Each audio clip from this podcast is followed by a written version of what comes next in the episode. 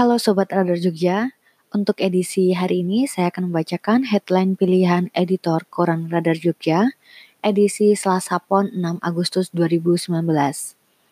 Untuk hari ini, editor Koran Radar Jogja memilih headline berjudul Tiga bulan sudah balik modal, pemicu menjamurnya bisnis Pertamini di DIY.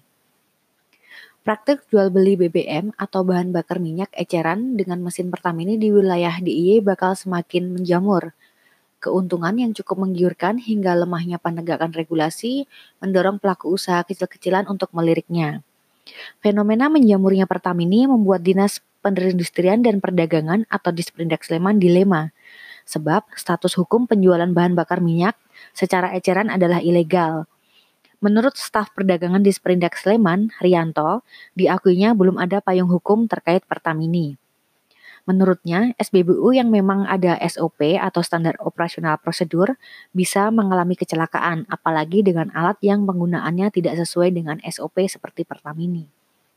Plus minus dari penggunaan Pertamini, bagi masyarakat sendiri, kelebihan Pertamini membantu warga di daerah pelosok yang hendak mengisi BBM kendaraannya.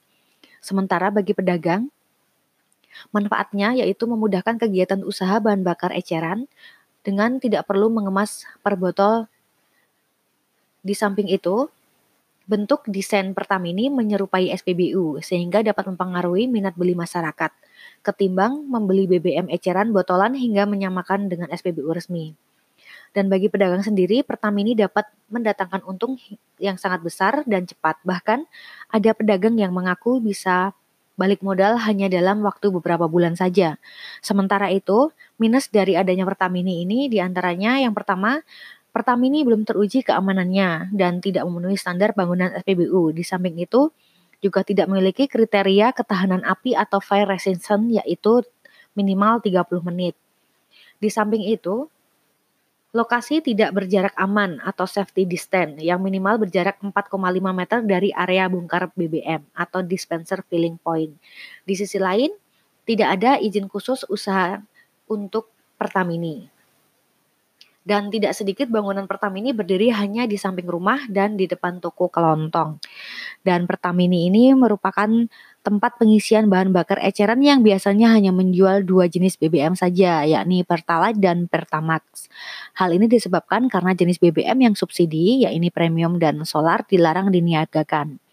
Dan pemilik Pertamini bisa kulakan BBM jenis Pertalite dalam jumlah besar, bahkan bisa mencapai 60 liter dan belum ada tindakan tegas pembatasannya. Otomatis ini berdampak pada jumlah stok SPBU yang dijual ke masyarakat. Demikian headline pilihan editor Koran Radar Jogja edisi Selasa Pon 6 Agustus 2019.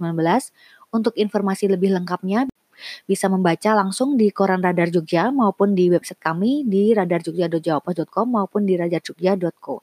Sekian podcast edisi hari ini. Selamat beraktivitas, selamat pagi.